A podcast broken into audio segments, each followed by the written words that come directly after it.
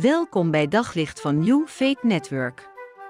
Luister elke dag naar een korte overdenking met inspiratie, bemoediging en wijsheid uit de Bijbel en laat Gods woord jouw hart en gedachten verlichten. Soms zit je gewoon in zo'n sleur. Dat je denkt van elke dag lijkt weer op de dag ervoor. En morgen moet ik hetzelfde riedeltje weer afdraaien. En misschien heeft het te maken met luiers en kleine kinderen. Misschien heeft het te maken met files en veel te veel werk. Ik weet niet wat je sleur precies is, maar, maar zo vaak kunnen wij in, in sleur terechtkomen die voelt als een gevangenis.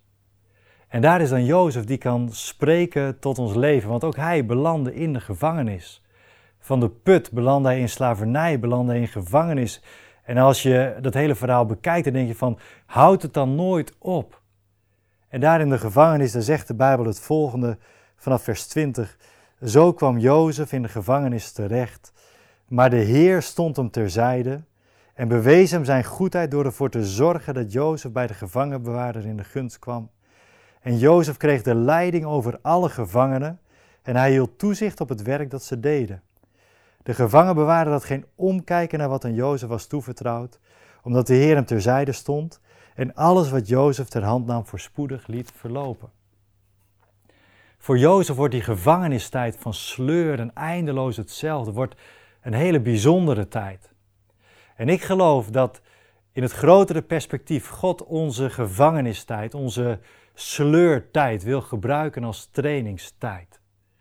Want God wist waar Jozef zou eindigen, dat hij onderkoning zou worden, dat hij grote projecten moest gaan aansturen, dat hij in de hoogste kringen van, van de wereld regeerders moest gaan, gaan bewegen. En daar in de gevangenis zou hij dingen leren die hij nodig zou hebben voor zijn onderkoningschap. Hij had de taal leren spreken. Wat de Bijbel hier beschrijft is dat hij leiding moest geven aan gevangenen waarvan velen van voorname afkomst waren. Hij moest ingewikkelde bouwprojecten en irrigatieprojecten gaan aansturen. Hij ging in de gevangenis dingen leren die hij op geen enkele andere manier had kunnen leren. Zijn gevangenistijd was trainingstijd. En soms kom ik mensen tegen en die zeggen: Ach, wanneer ben ik nou een keer aan de beurt? Wanneer komt mijn tijd? Ik ben al zo lang aan het wachten en zo lang zit ik vast in dat veel te kleine leven.